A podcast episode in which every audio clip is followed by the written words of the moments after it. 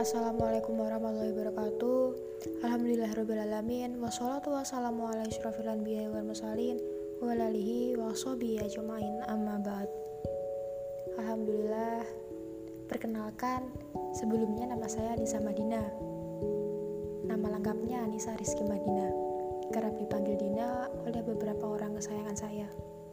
Saya tidak tahu persis Kenapa mereka bisa memanggil saya Dina. Nama belakang bukan Anissa. Atau mungkin karena Anissa sudah banyak. Tapi saya tidak terlalu memusingkan tentang panggilan tidak terlalu memusingkan tentang sebutan atau nama. Bagi saya nama yang dipanggil oleh orang kesayangan saya adalah nama yang paling istimewa. Apa pun itu. Dan sebelumnya jika ditanya Anissa itu punya cita-cita apa? Anissa itu. Sebelumnya saya tidak punya mimpi atau cita-cita. Saya tidak tahu apa itu cita-cita, tidak tahu apa itu impian. Yang saya tahu memang kebanyakan orang menganggap bahwa cita-cita, bahwa impian adalah sesuatu yang harus diwujudkan, harus terlaksana. Seperti misalnya menjadi guru, menjadi polisi, menjadi tentara. Ada banyak teman-teman saya yang kepengen untuk jadi tentara, pengen jadi TNI, pengen jadi polisi, sehingga mereka menghabiskan banyak waktu mereka, menghabiskan banyak dana mereka untuk menjadi polisi atau tentara, menghabiskan seluruh yang mereka miliki, mengupgrade, mengupgrade terus potensi mereka sampai mereka diterima. Dan saya sebenarnya tidak terlalu apa ya saya tidak terlalu suka dengan hal, -hal demikian karena bukannya saya menyalahkan mereka atau menganggap itu sesuatu yang keliru bukan. Tapi karena memang mungkin sudut pandang setiap orang itu berbeda. Dan saya punya pandangan sendiri tentang apa itu impian dan apa itu mimpi. Meskipun untuk saat ini dan kemarin saya belum menemukan apa itu mimpi dan apa itu cita-cita saya. Kalau ditanya cita-cita tentunya setiap orang ingin menjadi seorang yang sukses, menjadi orang yang kaya, menjadi orang yang cukup, cukup untuk membeli seluruh yang mereka mau, cukup untuk mendapatkan apa yang mereka ingin. Tapi setelah saya pikir-pikir, cita-cita dan impiannya seperti itu, untuk apa? Untuk apa kita selalu mengajar dunia? Untuk apa kita selalu memperjuangkan dunia? Yang bahkan ketika sudah kita dapatkan masih terasa hampa. Begitulah yang saya rasakan beberapa waktu lalu. Ketika saya sudah mendapatkan apa yang saya mau, sudah mendapatkan apa yang menjadi cita-cita saya, tapi saya masih terasa hampa, masih terasa gelisah, masih terasa kurang. Kenapa sih? Ternyata saya masih menempatkan dunia yang pertama, dunia yang nomor satu. Saya tidak peduli apakah impian itu sudah sesuai dengan agama saya, apa yang sesuai dengan syariat saya, apa yang sesuai dengan agama yang saya imani tidak. Saya memikirkan bahwa impian dan cita-cita saya adalah sesuai dengan apa yang saya inginkan, apa yang saya harapkan. Dan itu berasal dari hati. Mungkin hawa nafsu. Saya tidak bisa membedakan cita-cita yang berdasarkan hawa nafsu dan cita-cita yang berasal dari hati nurani dan keimanan. Saya masih belum bisa membedakannya. Tapi setelah saya belajar, setelah saya berkumpul dengan orang-orang yang saat ini satu kosan dengan saya, bertemu dengan kakak-kakak tingkat saya yang lebar, jilbabnya, panjang gamisnya, tertutup kakinya dengan kaos kaki yang begitu tebalnya, saya paham sesuatu bahwa cita-cita, bahwa impian itu bukan sekedar memperjuangkan apa yang ingin sangat ingin kita miliki, apa hasrat dari hati kita, bukan. Cita-cita, impian adalah sesuatu yang berusaha kita wujudkan untuk kemaslahatan bersama, untuk kebaikan semua umat. Itulah impian dan cita-cita yang sesungguhnya. Saat kita melihat seorang anak yang tidak bisa sekolah, anak-anak difabel, anak-anak yang tertinggal, anak-anak yang hidup di pelosok, di kota terpencil, saat mereka tidak bisa mewujudkan keinginannya, impiannya, lantas impiannya itu apa? Apa yang akan mereka wujudkan? Mereka nggak punya impian kan? Karena segala keterbatasan yang ada dalam diri mereka, apakah seperti itu sebuah impian? Bukan. Impian adalah saat kita mempunyai harapan, keinginan untuk bisa menjadi lebih baik demi orang lain, untuk orang lain. Saat kita berusaha memperjuangkan umat, saat kita berusaha untuk memperjuangkan syariat, itu adalah impian, sebaik-baiknya impian. Saat kita berada di ter garis terdepan, saat menjunjung Rasulullah, saat mendukung Rasulullah, dan menegakkan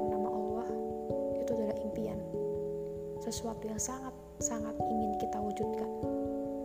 Saat kita berusaha untuk misalkan menjadi seorang yang kaya raya menjadi seorang wanita yang cantik wanita yang senang disukai lelaki banyak wanita yang dilihat wah wanita yang sangat-sangat prestis wanita wanita yang sangat mencolok itu. Apakah benar itu cita-cita? Apakah benar itu impian?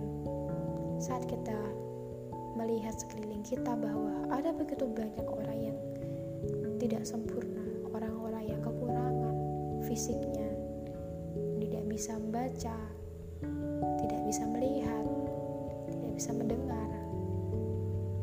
Apakah mereka bisa mempunyai impian untuk bisa berbicara, bisa mendengar, bisa melihat saat mereka tidak memiliki uang untuk melakukan sebuah pengobatan?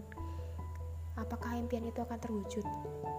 Kecil, kecil sekali.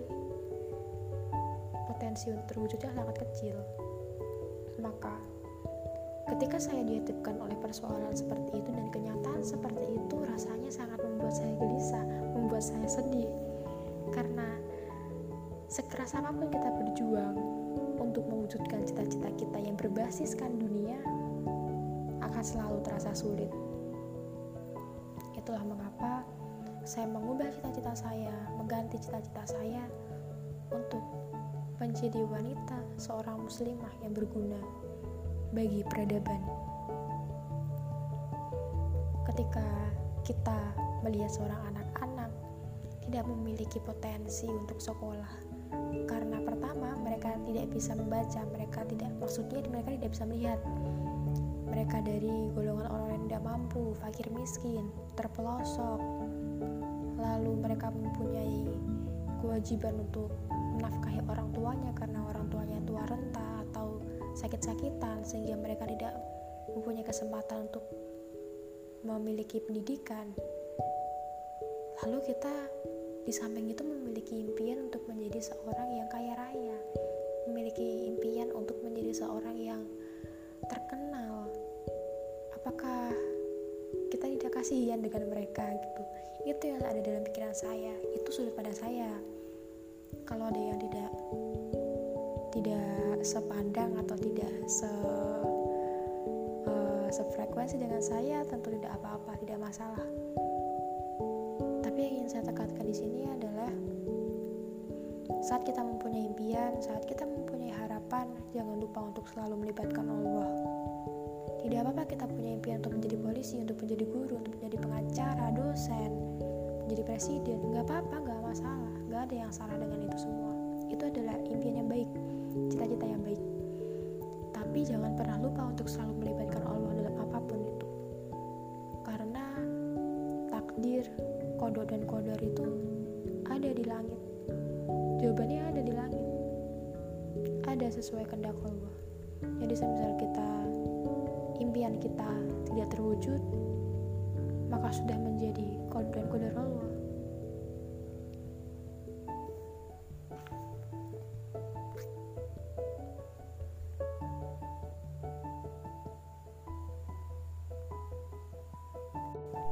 Pernah suatu ketika saya menemui dan menjumpai kawan saya, dia gak keterima itu SNMPTN UGM, SNMPTN UGM lagi karena dia memang orangnya cerdas orangnya pintar apa aja bisa hitungan bisa ekonomi bisa sejarah paham sosiologi katam.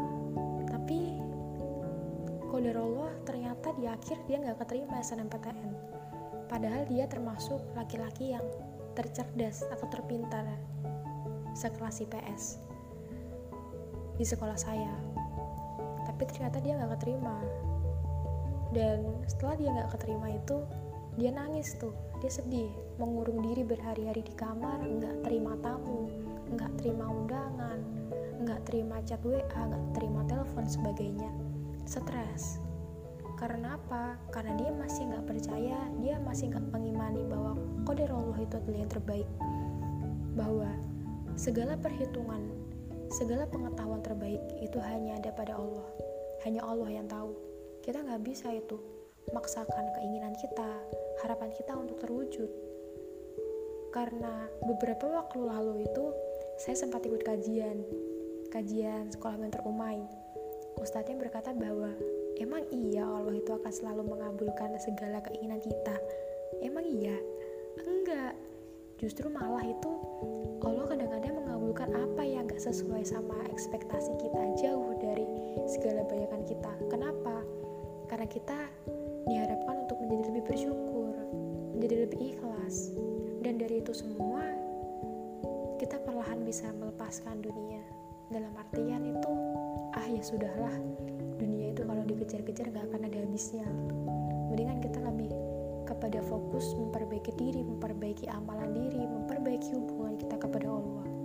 Maka insya Allah impian kita nantinya yang diwujudkan oleh bagi kita.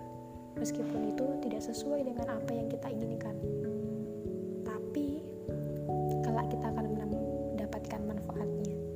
Kita beriman kepada kodok dan kodarnya. Setelah mendapatkan ceramah itu, kajian itu, saya semakin berpikir bahwa ternyata selama ini tuh apa yang saya inginkan tapi tidak terwujud itu adalah yang terbaik di sisi Allah, terbaik di penglihatan Allah, terbaik pada pengetahuan Allah. Dan saya tidak tahu sama sekali tentang itu. Ketika saya merasa patah hati, ketika saya merasa terluka, ketika hati saya terasa nyeri, sakit, saya marah. Saya marah sama Allah, jelas marah. Saya curiga sama Allah. Saya protes. Ya Allah, kenapa engkau tidak mengabulkan doaku? Ya Allah, mengapa engkau tidak mengabulkan segala impianku? Padahal itu adalah sesuatu yang sangat saya saya inginkan. Itu sama Allah. Tapi apa balasannya Allah? Balasannya Allah adalah saya diberi rasa yang lebih sakit daripada itu. Diberi rasa kecewa yang lebih. Karena apa? Karena saya sambat terus. Saya protes terus. Gak mau itu saya ikhlas. Gak mau itu saya kemudian meningkatkan ibadah saya meningkatkan amalan saya. Enggak saya malah semakin meratapi kegagalan itu. Dan itu adalah sesuatu yang sia-sia. Sudah terluka sudah tersakiti sudah gagal tambah sakit lagi. Nah gak ada gantinya yang lebih baik. Karena dari itu, semenjak dari itu saya berpikir bahwa sungguh sangat melelahkan sekali mengejar dunia ini. Kenapa sih kita nggak menjadi seseorang yang mendahulukan kebutuhan kita kalau di akhirat daripada sekedar mengejar cita-cita kita yang fana itu? Cita-cita yang akan selesai ketika kita sudah mati kenapa sih kita nggak menyiapkan bekal kita? Nah mulai dari saat itu saya berpikir bahwa sepertinya ada yang salah nih dari niat saya. Sepertinya ada yang salah nih dari amalan saya. Bahwa tidak ada yang salah dalam memiliki cita-cita gak ada yang salah dalam memiliki impian. Semuanya boleh kok semuanya baik. Tapi caranya niatnya amalannya itu apakah sudah benar? Nah ketika saya dihadapkan oleh kenyataan itu saya berpikir bahwa ternyata cita-cita saya itu baik. Niatnya saja yang tidak. Niat saya pertama saya ingin masuk UGM karena gengsi sama saudara-saudara. Saudara-saudara semuanya di UGM saya di UNES malu. Akhirnya saya berdoa sama Allah ya Allah berikanlah UGM kepada saya. Ya Allah berikanlah UGM yang terbaik bagi saya. Ya Allah masukkan saya ke UGM jangan yang lain ya Allah. Maksa doanya. Maksa saya sewaktu saya tidak terima di UGM saya stres. Saya marah sama diri saya sendiri kenapa dulu saya nggak belajar lebih giat? Kenapa sih saya dulu itu nggak les terus setiap hari bolong-bolong? Tapi kemudian semakin diratapi semakin sakit. Maka dari itu saya berusaha untuk mencari tahu apa yang sih salah dalam diri saya apa sih yang salah dalam niat saya. Ternyata yang salah selama ini adalah pandangan saya bahwa cita-cita itu adalah cuma UGM impian adalah cuma UGM padahal UNES bisa saja lebih baik daripada UGM hanya saja saya tidak mau melihat dari perspektif yang lain. Yang saya lihat hanya dari peringkatnya dari alumninya. Padahal belum tentu juga suatu saya di UGM ini saya bisa menjadi seperti Anissa yang sekarang. Anissa yang berhasil menjuarai lomba-lomba menjadi kawan dongeng menjadi mentor di Umay berbagi dan sharing bersama adik-adik tingkat dan sebagainya dan saya baru tahu bahwa takdir Allah, kodar Allah itu adalah yang terbaik dari semua yang saya inginkan dan tidak terwujud bahwa apa yang telah Allah persiapkan itu adalah yang terbaik bagi saya. Sayangnya, saya baru mengerti itu akhir-akhir, jadi penyesalan itu sudah terlanjur terjadi. Tidak ada yang salah dengan penyesalan, tidak ada yang buruk. Penyesalan itu mengajarkan kita untuk menjadi seorang wanita yang lebih tangguh lagi, menjadi seorang manusia yang lebih kuat. Itu dampak baik dari penyesalan. Dan kalau ditanya, apa sih cita-cita saya? Apa sih impian saya sekarang ini? Maka impian saya, cita-cita saya saat ini adalah menjadi seorang guru, menjadi seorang pendongeng bagi adik-adik.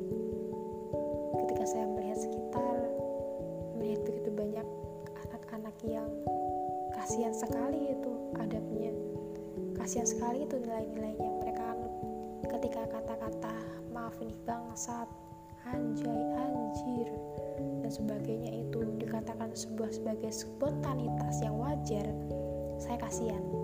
Karena apa? Keburukan itu tidak boleh dimaklumi. Keburukan itu tidak boleh dianggap biasa. Keburukan itu tidak boleh diwajarkan. Karena apa? Akan menjadi sebuah kebiasaan. Menjadi sebuah budaya nantinya. Maka sejak saat itu, karena permasalahan sepele itu kata orang yang sepele itu, namun besar sekali dampaknya bagi saya, saya memiliki pikiran bahwa saya ingin menjadi orang yang berguna. Berguna untuk adik-adik, untuk anak-anak di sekeliling saya, di sekarang, dan di mana pun itu.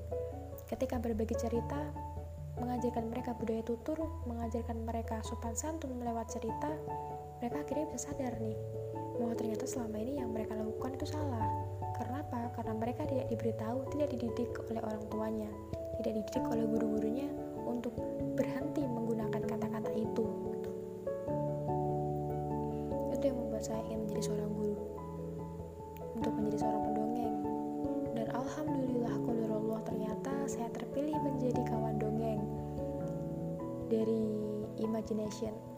Imagination di bawah naungan Rumah Dongeng Mentari Alhamdulillah dari begitu banyaknya peserta pendaftar saya terpilih menjadi salah satunya di seluruh Nusantara Alhamdulillah.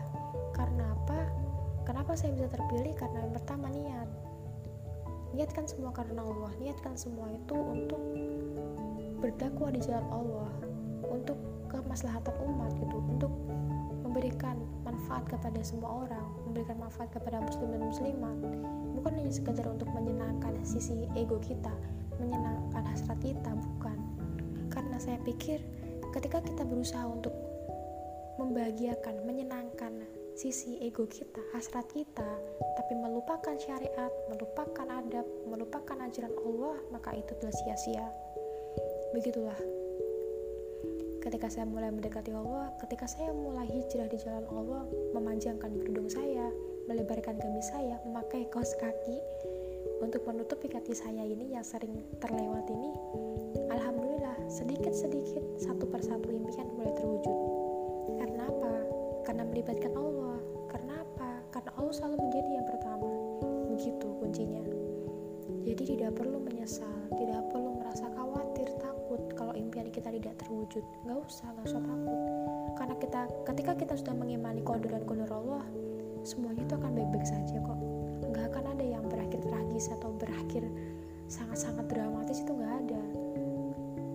Boleh sedih, boleh, nggak ada yang barang untuk sedih. Tapi jangan lupa selalu ucapkan alhamdulillah ala kulihal ketika kita berada di situasi yang sangat menyakitkan terasa sangat menyedihkan ucapkan itu selalu kalau kita sedang merasa senang selalu syukur. Jangan lupa untuk bersyukur kepada Allah karena sesungguhnya semua nikmat yang datang itu adalah berasal dari Allah.